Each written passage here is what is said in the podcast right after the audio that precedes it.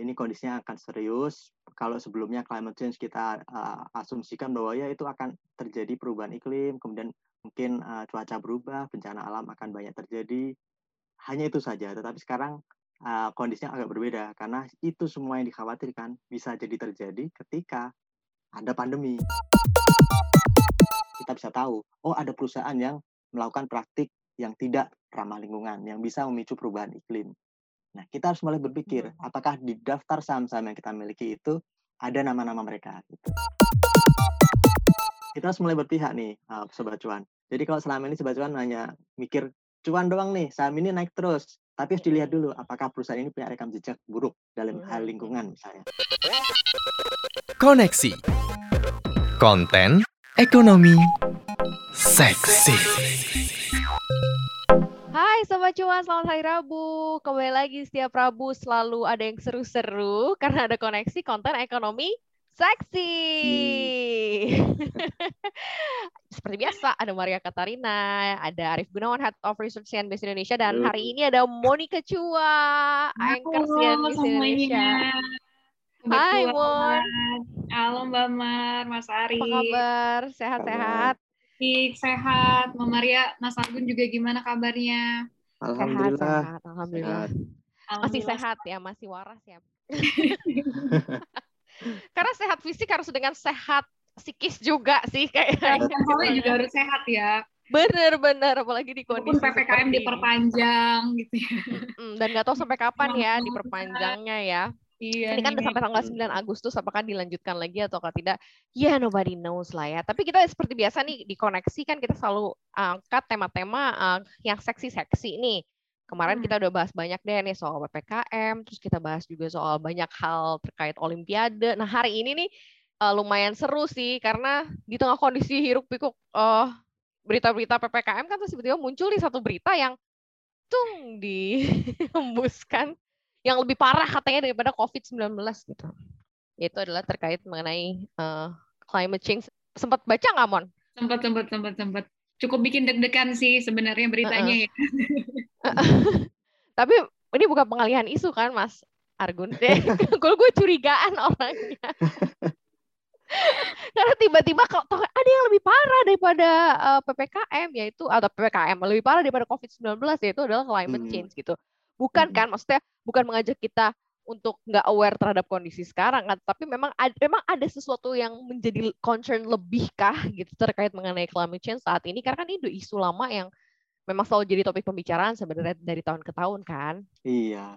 bukan pengalaman isu sih sebenarnya. Kan kalau kita mengacu pada persepsi para pebisnis dunia, ini kan ada World Economic Forum, itu forumnya hmm. para bos-bos pengusaha di seluruh dunia lah yang kelas kakap uh, mereka ini kadang ngumpul tuh di Davos di di, di negara Skandinavia sana. Nah mereka tuh bikin survei pebisnis dan mereka me, me, menanyakan kira-kira apa sih risiko terbesar uh, ekonomi dunia pada tahun 2021 gitu. Dan menjawabannya ada dua pandemi dan uh, climate change atau kalau menurut hmm. istilah mereka itu failure di dalam menangani climate change gitu. Kalau misalnya gagal, nah ini jadi risiko gitu. Nah, kalau kita bicara risiko kedua, ini kan risiko pertamanya udah terjadi di pandemi udah berjalan ya. Artinya yeah. otomatis risiko yang kedua ini naik kelas dong. Jadi risiko yang mungkin akan terjadi dalam waktu dekat setelah pandemi. Makanya uh, ini kondisinya akan serius. Kalau sebelumnya climate change kita uh, asumsikan bahwa ya itu akan terjadi perubahan iklim, kemudian mungkin uh, cuaca berubah, bencana alam akan banyak terjadi. Hanya itu saja. Tetapi sekarang uh, kondisinya agak berbeda karena itu semua yang dikhawatirkan bisa jadi terjadi ketika ada pandemi, which is kondisinya oh. akan lebih uh, apa lebih lebih cepat, lebih buruk atau lebih apa? Iya, lebih buruk gitu ya bagi uh, umat manusia. Pandemi saja sudah memberikan uh, apa namanya krisis yang, yang kedua nih, bukan hanya krisis kesehatan tapi krisis sosial. Kalau hmm. istilahnya World Economic Forum itu uh, livelihood crisis gitu. Jadi kalau ada pandemi, otomatis ada lockdown. Uh, sekarang terjadi ppkm di tempat kita dan itu otomatis banyak ya kan eh, perusahaan yang mengurangi aktivitasnya, sektor informal yang tidak bergerak dan itu memicu orang-orang jadi kehilangan mata pencarian. Kalau hilang mata hmm. pencarian ya sudah uh, kondisi kesejahteraan turun dan apalagi kalau nanti misalnya risiko perubahan iklim itu terjadi, otomatis akan ada ya mohon maaf mungkin bencana alam akan banyak terjadi di sekitar kita dan itu akan serius otomatis uh, uh, risiko yang yang benar-benar me, apa namanya mengkhawatirkan yang harus kita uh, hadapi bersama. Wow, agak ngeri sih ya. Kalau lu sendiri ngelihatnya kayak gimana, Mon? Maksudnya uh, kita sharing ya. Kan kalau misalnya bilang bencana alam segala macam kan sebenarnya udah mulai ada nih dari tahun lalu sebenarnya kan uh, di beberapa tempat di beberapa titik. Dan yang gue rasain sih kalau misalnya as a person tinggal di dunia ini kok kayaknya makin panas gitu. Apa iya, ini? Iya. Termasuk yang di global warming tuh emang satu fakta yang nggak bisa dihindari sih. Dan kalau kita lihat emang lokasi geografis Indonesia itu kan kita itu berada di uh, lingkaran api Pasifik ya, which, which means kayak hmm. memang kita lebih banyak bencana alam seperti gempa bumi dan juga lain-lainnya kalau dibandingkan dengan negara-negara lain. Nah, dengan adanya climate change, perubahan iklim ini yang bikin nantinya bumi akan menjadi lebih panas dan juga sebagainya, ini kan juga pasti akan semakin hmm. memperbanyak lagi bencana alam kita ya. Kita ketahui kita yeah, sudah yeah, yeah. banyak banget kayaknya menghadapi uh, bencana begitu ya di tahun 2020 dan juga di tahun 2021 ini apalagi ada pandemi juga gitu ya. Nah, ini juga pastinya kayaknya kita udah mulai harus concern deh karena memang kalau kita bicarain perubahan iklim atau climate change sebelum ini mungkin bukan sesuatu hal yang menakutkan gitu ya bagi kita ya kalau kita sebelum-sebelumnya uh, dengar ada yang ngomongin tentang climate change atau gimana, mungkin kita mikirnya ah enggak kok mungkin masih lama, mungkin puluhan atau ratusan tahun lagi nih baru terasa, mungkin generasi kita, generasi anak-anak kita mungkin nggak akan terasa gitu kan. Nah, padahal sebenarnya yang patut kita ketahui dan juga sadari bahwa ini tuh sebenarnya udah di depan mata banget gitu dan kita juga Betul. maksudnya yeah. tidak uh, uh, kita tidak boleh berdiam diri kita jangan mikir bahwa ini uh, mungkin dampak atau efek-efeknya tuh masih masih lama kok. Jadi kita masih santai-santai aja tetap carry on our uh, usual life gitu kan. Padahal ya faktanya sih nggak seperti itu. Jadi tuh concern kita itu tuh dan juga mungkin kewaspadaan kita tuh penting banget sih menurut aku untuk dari sekarang tuh kita udah mulai ngerti apa sih itu climate change dan juga dampaknya nanti tuh akan seperti apa gitu. Hmm. Kan kalau kalau kalau kita kan ya Mas Argun ya Mon juga hmm. kalau kalau kita kan paling bisa ngelakuin hal yang uh, kecil lah ya. Apa sih gitu yang bisa lakukan manusia-manusia di bumi ini di dunia ini. Nah, kalau ini kan kemarin sempat dibahasnya adalah ini akan jauh lebih parah. Ini akan lebih side effect-nya ke ke mana, um, Mas Argun? Artinya kan setiap kali ada conference tentang climate change kan selalu dikeluarin peraturan-peraturan atau mungkin uh, dikeluarin misalnya kayak kemarin kan Joe Biden sempat mention juga soal Jakarta uh, hmm. yang makan tenggelam dan berapa kali sih sebenarnya nih gue denger sih Jakarta yang akan tenggelam gitu ya beberapa hmm. tahun lagi terus kemudian Itu juga uh, scary kenapa? banget ya sebenarnya Mbak Maria sama Mas Argun ya, yes, ya kalau betul. soalnya katanya nggak main-main itu kan katanya prediksinya 10 tahun mendatang which is uh -uh. bukan jangka waktu yang lama-lama banget lah gitu kan nah kalau beneran tenggelam aku tadi sempat lihat petanya gitu itu bahkan katanya sampai ke bundaran HI itu katanya bakal tenggelam gitu jadi kayak uh. berarti lumayan jauh kan ya dari pinggiran pantai gitu kan dan ternyata wah kalau beneran terjadi kayaknya dampaknya kayak bakal gede banget apalagi Jakarta ibu kota gitu kan mhm. Nah ini kayak gimana nih dengan beberapa mention mentionan dari uh, conference conference global yang diberikan gitu ya khususnya mungkin ya untuk beberapa negara termasuk which is di situ ada Indonesia nih Mas Argun. Berarti kan hmm. ada sesuatu yang harus diantisipasi lebih lebih awal gitu ya uh, oleh kita gitu yang yang tinggal di Indonesia which mean Ya kalau sejauh ini memang uh, seluruh negara-negara di dunia uh, sudah meratifikasi kesepakatan Paris tahun 2016 ya. Jadi mereka sepakat ratifikasi itu mengikatkan diri, nggak ada konsekuensi hukum makanya kemarin Amerika Serikat pernah keluar dari kesepakatan Paris tapi balik lagi dan ada nggak ada konsekuensi hukum. Memang tidak ada konsekuensi hukum tapi minimal ada itikat itikat bersama untuk melakukan sesuatu mengurangi uh, emisi karbon misalnya. Kemudian juga melakukan aktivitas penyerapan karbon. Efek uh, efeknya diharapkan bisa mengurangi uh, ini kenaikan suhu permukaan bumi. Uh, jadi tadinya perkiraannya targetnya 2 derajat celcius lah dikurangi suhunya gitu Nah, Indonesia sebagai salah satu pelaku ratifikasi negara yang meratifikasi otomatis harus mengambil langkah-langkah dan langkah itu dilaporkan eh, ke panel ini perubahan iklim yang dibentuk oleh PBB. Nah, kalau sejauh ini pemerintah yang terbaru adalah mereka menyatakan akan melakukan ini uh, pengenaan pajak karbon. Pajak oh, iya, karbon iya. ini ke, akan dikenakan untuk produk-produk uh, apa namanya fosil uh, minyak bumi, batu bara itu nanti akan kena pajak dan uangnya akan dipakai untuk memutar program-program yang berkaitan dengan uh, perubahan iklim, misalnya energi terbarukan atau mungkin penghijauan. Nah ini skema ini sudah dilakukan di negara-negara Skandinavia, Norwegia terutama yang paling bagus. Mereka kan penghasil minyak juga, tetapi kemudian ya mereka juga mengenakan pajak karbon. Itu diasumsikan ya memang ini kotor, tapi kita juga punya uang yang akan dipakai untuk memperbaiki keadaan gitu. Nah, Indonesia melangkah ke sana. Kemudian di sisi lain kita juga tahu ada rencana pengenaan itu bea plastik. Nah, itu diharapkan orang-orang tidak lagi memakai produk minyak bumi ini secara seram, uh, se sembarangan gitu. Baru melangkah nih walaupun uh, tinggal 10 tahun. Iya, iya. Dan eh, memang kita bisa dibilang terlambat dibandingkan yang lainnya. Hmm. Skandinavia udah lama, Norwegia udah lama tetapi minimal dengan adanya kesepakatan perubahan iklim uh, setiap negara akan merasa malu gitu kalau mereka tidak melakukan sesuatu, tidak mengubah kebijakannya. Indonesia kemarin sudah menyatakan bahwa uh, target netral karbon kita itu akan dicapai pada tahun 2060. Artinya kurang lebih berapa? Sekitar uh, 40 tahun dari sekarang. Netral karbon itu artinya ibaratkan Indonesia ini mengeluarkan karbon sebar, seberat satu juta ton misalnya per tahun. Nah, uh, itu tidak eh, bisa dikurangi tetapi juga tidak mungkin hilang gitu bisa dikurangi tetapi kemudian di, eh, dicoba dengan diimbangi aktivitas yang menyerap karbon gitu karena kalau menurut eh, studi itu kan sebenarnya yang berbahaya bagi bagi alam yang memicu perubahan iklim adalah karbon dioksida dan gas-gas rumah kaca, metana dan ah, kawan-kawan uh, uh, uh. kalau dia naik ke atmosfer.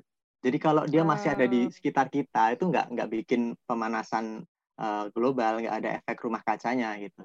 Tapi kalau udah sampai ke atmosfer, nah itu yang bahaya. Makanya dilakukanlah upaya penyerapan karbon. Misalnya apa? Dengan ya reboisasi, kemudian hutan-hutan bakau. Bakau ini penting ternyata. Jadi kalau Jakarta Utara ini dikhawatirkan tenggelam, ya harusnya diperbanyak menanam bakau ini karena dia punya dua fungsi. Dia menyerap karbon dan itu paling tinggi katanya.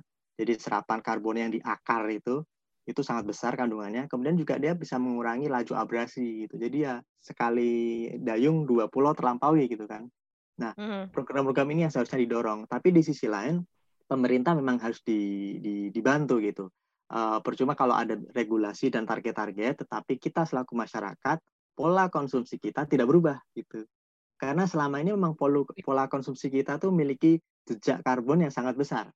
Mulai dari kita bangun tidur, uh, kita buka handphone, handphonenya ya diambil dari listrik. Listriknya dari Indonesia kebanyakan dari mohon maaf batu bara gitu yang katanya emisinya masih besar. Kita belum Tapi zero carbon sendiri aja beberapa uh, perusahaan-perusahaan apa ya perusahaan-perusahaan pertambangan juga mereka uh, apa namanya transformasinya juga masih lama mas. Jadi kan istilahnya bukan lama ya, maksudnya berproses gitu. Hmm. Jadi makanya kita masih menggunakan pola konsumsi yang sama karena nggak benar-benar di cut nggak benar-benar dipotong gitu ya misalnya harus pakai EBT ya udah benar-benar harus energi terbarukan tapi disiapin dulu dong energinya. Kan kita masyarakat kan hanya mengkonsum konsum kan harus iya. ada produknya. Kalau nggak ada kan gimana? Gimana tuh gue suara hati seorang suara suara hati seorang konsumen? Caelah gimana mon? Enggak kalau tentang EBT ini benar sih kalau kata Mbak Maria kita kan cuma maksudnya penerimanya gitu ya. Nah, kalau untuk uh, pembangunannya, lalu kemudian uh, infrastruktur yang diperlukan, ini kan juga sebenarnya adanya di tangan pemerintah gitu kan. Nah, hmm. selain dari EBT, kemarin juga uh, sempat presentasi juga terkait dengan panas bumi. Padahal tuh kita punya harta karun panas bumi juga ya ternyata Mas Argun ya. Kita tuh punya hmm. uh, har, uh, apa panas bumi terbesar kedua nih hmm. yang ada di dunia yang harusnya tuh kayaknya udah mulai bisa mulai dimanfaatkan gitu nggak sih buat untuk mengganti si batu bara ini gitu uh, in the long term juga pastinya kalau kita tergantung sama batu bara ya nggak ada guna gitu kan uh, mungkin dari segi hal uh, eh, EBT-nya segala macam ditingkatkan tapi tetap main source of energy kita itu kan dari si uh, batu bara ini gitu Mas hmm. Argun Maria. Mahal iya. juga yeah. kali mungkin ya, ah. Mas ya. Mahal juga nah, dan itu. dan apa namanya uh, investasinya juga mahal juga gitu maksudnya ya mungkin ya ini masih ini ujung-ujungnya duit sih bener nggak sih Mas? Iya, jadi memang kita tidak menyangkal bahwa energi baru dan terbarukan itu bisa dibilang bersih, uh, nyaris zero emission betul. Tetapi problemnya adalah Indonesia ini kan negara berkembang. kita belum menguasai teknologi, belum memiliki apa namanya basis uh, industri untuk energi baru dan terbarukan. Dan ada banyak problem di di Indonesia dari sisi harga misalnya. Jadi kalau misalnya kita mau jor-joran garap panas bumi seperti di uh, singgung Monica tadi, bisa ya bisa, tetapi biayanya pasti besar. Dan kalau biaya besar maka otomatis tarif listrik akan naik gitu. Dan itu akan memberatkan uh, konsumen Indonesia. Makanya pemerintah harus bijak memang. Kita memiliki keunggulan ke kompetitif dibandingkan negara lain. Ini apa? Fosil, batu bara memang itu harus diakui ini keunggulan kita tetapi kita harus bisa menggunakannya agar tidak memiliki dampak yang terlalu buruk terhadap uh, lingkungan ya misalnya dari sisi uh, praktiknya ya kan? Harus harus sustainable. Pembukaan lahannya harus ya tidak uh, memicu kerusakan banyak lah ya sedutan mungkin ada ke, uh, pembukaan lahan tapi tidak se semasif yang sebelum-sebelumnya misalnya itu harus direm. Kemudian produk batu bara itu harus dibikin bersih. Ada produk uh, green coal, clean coal itu banyak. Adaro, Bumi dan kawan-kawan itu banyak yang mulai memasarkan produk ini dan banyak yang menyambut. Uh, emisinya relatif lebih rendah dibandingkan batu bara yang konvensional. Dan ini harusnya dikombinasikan. EBT memang mahal. Kita sambil mengejar ke sana, tetapi ya batu bara yang ada dipakai, tetapi dengan catatan itu tadi harus sustainable. Uh, apakah batu bara hijau itu mungkin uh, di, mungkin di, direalisasikan? Iya, pasti sangat mungkin kemarin kan mulai ada tuh uh, uh, gagasan untuk mengubah batu bara ke gas misalnya. Dan itu bisa dilakukan sebenarnya. Di Indonesia ini batu bara kalori rendahnya kan sangat besar.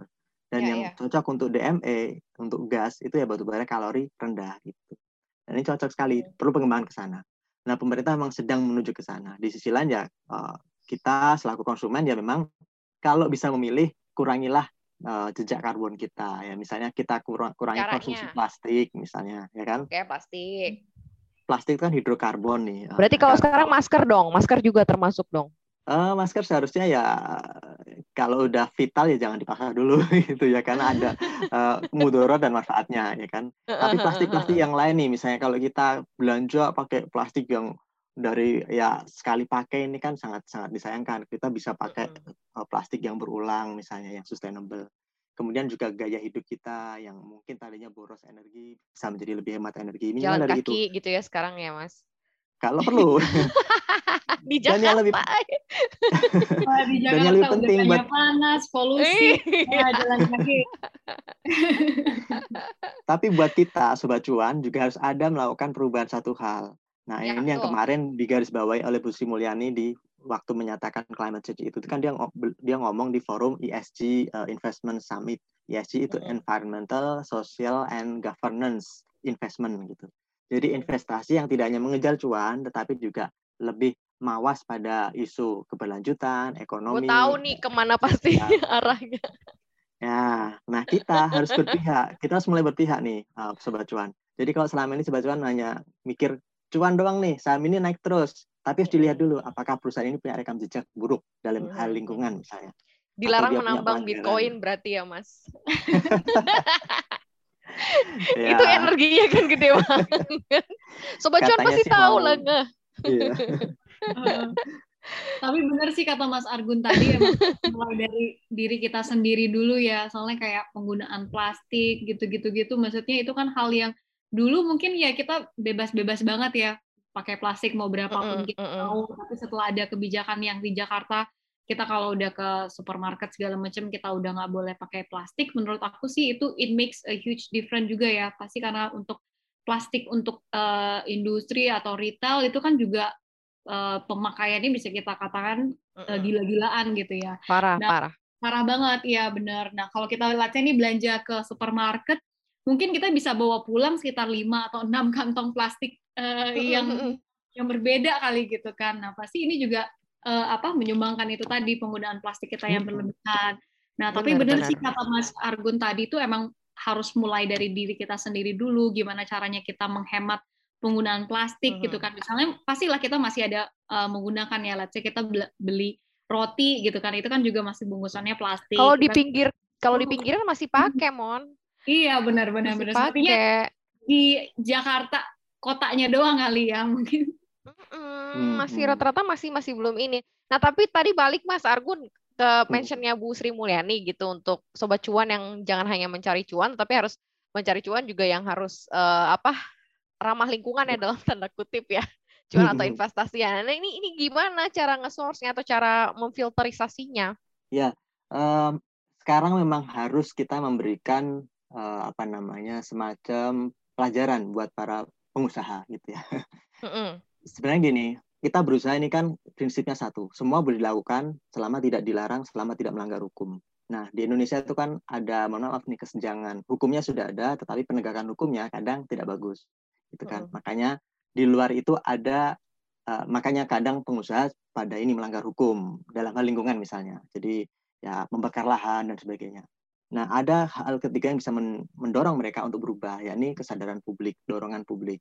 Uh, termasuk lewat media, lewat uh, kemudian LSM dan ada yang mereka kita bisa tahu, oh ada perusahaan yang melakukan praktik yang tidak ramah lingkungan, yang bisa memicu perubahan iklim.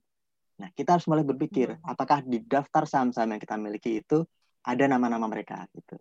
Ya, pantau oh, aja itu yang ada dari eh, Greenpeace atau dari hmm. pemberitaan, adakah emiten emiten yang akhirnya TB, akhirnya TBK ini ya, uh, perusahaan terbuka yang memiliki rekam jejak, rekam pemberitaan bahwa mereka pernah membakar hutan misalnya, bahwa mereka hmm. produksi batu bara dan sambil memicu apa namanya uh, uh, bencana di sekitarnya, penyakit masyarakat, ISPA, infeksi hmm. saluran pernapasan dan lain-lain seperti itu.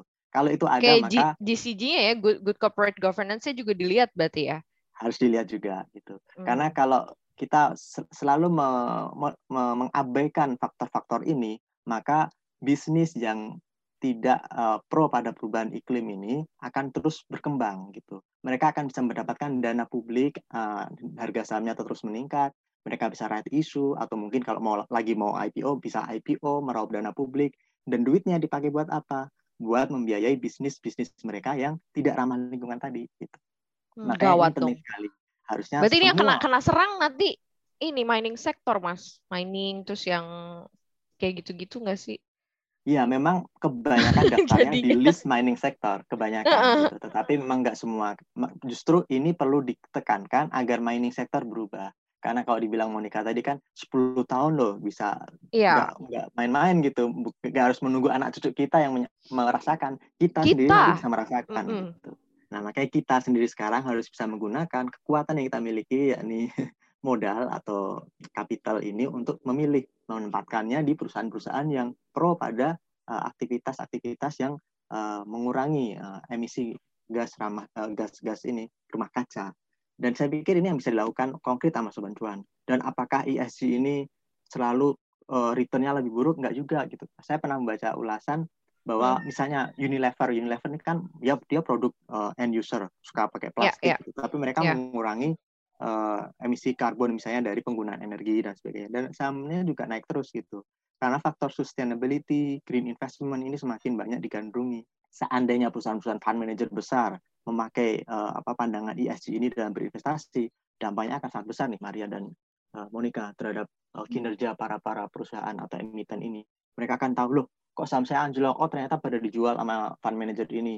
Fund manager ABCDE ini ternyata jualan karena dia menyatakan bahwa uh, institusi Anda, perusahaan Anda tidak ramah lingkungan, produknya hmm. tidak uh, tidak pro pada perubahan iklim, maka kami menjual. Nah, kalau ini terjadi, mereka akan oke okay, mau tidak mau, saya harus berubah, saya harus minimal ya dengan melakukan banyak uh, publikasi tentang program-program yang perubahan yang dilakukan, misalnya hemat hmm. energi, hmm. konversi hmm. ke energi terbarukan, atau mungkin mengurangi dampak negatif dari operasi mereka terhadap masyarakat seperti itu. Hmm, berarti mulai sekarang nggak cuma asal beli aja ya, nggak nggak cuma asal cuan aja, Mon. Berarti harus bisa ya.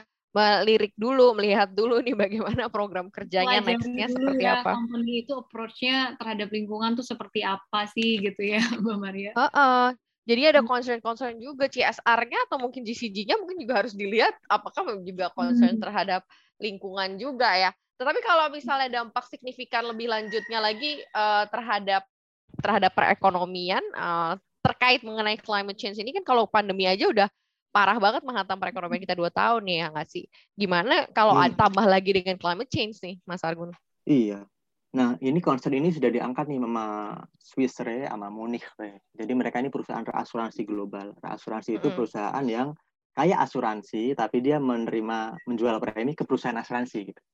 Hmm. Kalau asuransi kan dia jualan premi ke kita. Dia nah, ke kita ini premi jual ke premi. asuransi insurance company ya. Mm -hmm.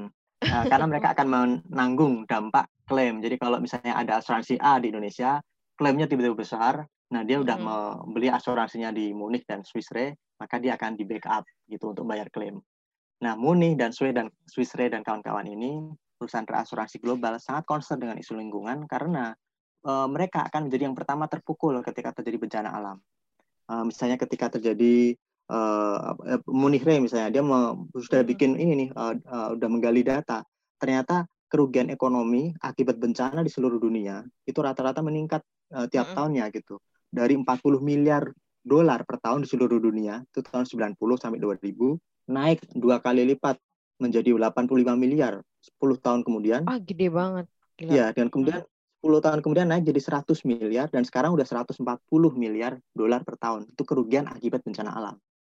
Nah, hmm. uh, ketika bencana alam kejadian, otomatis klaim akan meningkat dan mereka juga akhirnya pusing gitu. Kayak badai hmm. Sandy gitu di Amerika kemarin itu kan kita uh, pernah kan deket, uh, dengar kabarnya itu yang di tahun 2012 itu kan dampaknya gede banget ke, yeah. ke ya. perekonomian Amerika Serikat gitu.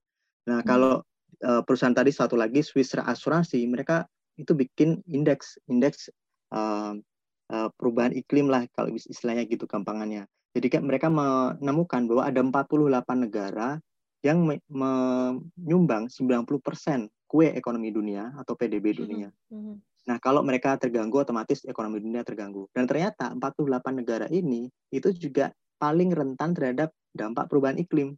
Hmm, termasuk Mayoritas, Indonesia berarti di situ ya? Termasuk Indonesia.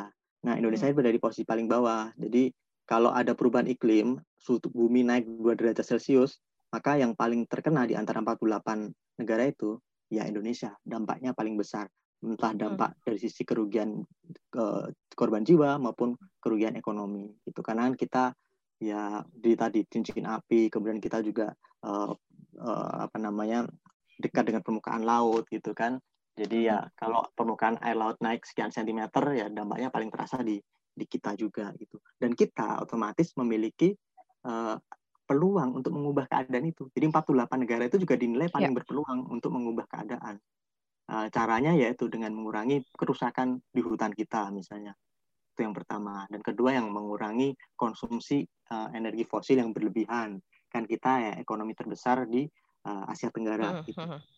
Hmm, hmm, Mm-hmm. Ya makanya konsumnya besar sekali dan di, di Indonesia ini memang akan jadi sorotan dunia. Saya nggak nggak heran ketika Biden menyat, menyorot soal Indonesia karena emang real itu uh, problem dan risiko yang akan kita hadapi bersama. Dan di Jakarta ini yang kita masih tenang-tenang kita belum berpikir belum tadi ya. Belum hmm. belum ada ketakutan-ketakutan dan juga kewaspadaan. Tapi ini dibilang Biden dibilang Biden tenggelam dipikirnya banjir kali biasa gitu kan karena udah kebiasaan banjir iya. soalnya. Udah tiap tahun ya. Tapi ini Mas Argun kalau let's say nih uh, beneran begitu ya nanti terjadi uh, bencana-bencana seperti itu, Jakarta tenggelam lah, bla bla bla sebagainya, itu dampak ekonominya itu khusus untuk Jakarta sebagai ibu ibu kota tuh bakal gimana sih? Dan juga mungkin dengan ada data-data seperti ini, menurut Mas Argun, apakah pemerintah harus mempercepat begitu pemindahan ibu kota baru ke Kalimantan atau kayak gimana nih kira-kira? Biar nggak ikut tenggelam maksudnya. Iya biar nggak ikut tenggelam soalnya 10 tahun bener sih kata Mbak Maria cepat. itu cepet banget bukan uh -uh. iya bukan anak atau cucu kita lagi itu udah zaman-zaman kita gitu kan. Iya memang ini ya kita tuh sebenarnya ketika pemerintah menyatakan uh, akan memindahkan ibu kota itu menunjukkan bahwa pemerintah sudah uh, angkat bendera putih gitu. Ya. Jadi kemungkinan prediksi ini mereka ya mengakui, kemudian mereka juga memperkirakan the worst case skenario akan terjadi, tetapi ya tidak banyak yang bisa dilakukan, makanya mereka akhirnya memindahkan ibu kota gitu. Uh, itu salah satunya. Saya khawatirnya ke sana gitu. Karena kalau kita ingin mengubah situasi yang ada sekarang, risiko yang yang mungkin akan menerpa kita terkait perubahan iklim, ya otomatis kita mengubah banyak hal dari pola konsumsi uh, energi kita ya mohon maaf transportasi kita hmm. tuh 60% masih uh, pakai energi fosil gitu. Benar, uh, benar. Yang yang yang emisi emisi rumah kacanya sangat tinggi ya. Selain gas itu kan gas nggak banyak kita yang pakai mobil atau motor gas kecuali bajai gitu. Mobil listrik kita baru mau mengarah ke sana, tapi sekarang juga kemajuannya ya kok saya melihat masih lambat gitu Tesla katanya mau masuk sekarang belum baru yang Hyundai dan kawan-kawan yang masuk di di Indonesia tapi harapannya bisa lebih cepat dan kalau itu memang terjadi ya mungkin uh, efek buruknya terutama di Jakarta ya harapannya bisa berkurang. Hitung-hitungan nilai ekonominya saya uh, agak lupa. Tapi memang ada beberapa lembaga yang sudah bikin uh, taksiran kerugian kerugian ekonominya berapa gitu. Uh, kalau sekarang sudah dipindah ya otomatis pemerintah menyatakan bahwa uh, mungkin ini akan terjadi, tetapi ya memang kita akhirnya hanya bisa mengerem apa yang terjadi, gitu, nggak bisa mencegah gitu. Jadi mungkin bisa dibilang keniscayaan. Kalau mau memang kita bisa membangun um, dam sangat besar itu okay. kayak yang di Belanda. Belanda itu kan juga negara yang sebenarnya permukaan uh, tanahnya itu udah di bawah laut gitu, tetapi mereka bikin banyak dam dan itu efektif untuk mencegah tenggelam gitu dan Jakarta semestinya mulai dibangun dam seperti itu tetapi kan sekarang juga hmm.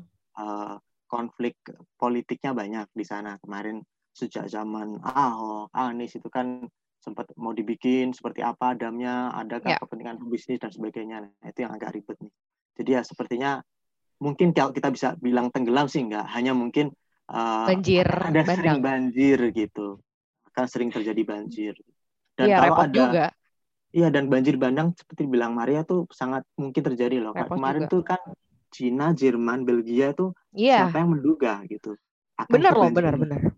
Banjir di kita Jakarta, Bogor. Bundaran HI ya pusat kota banget.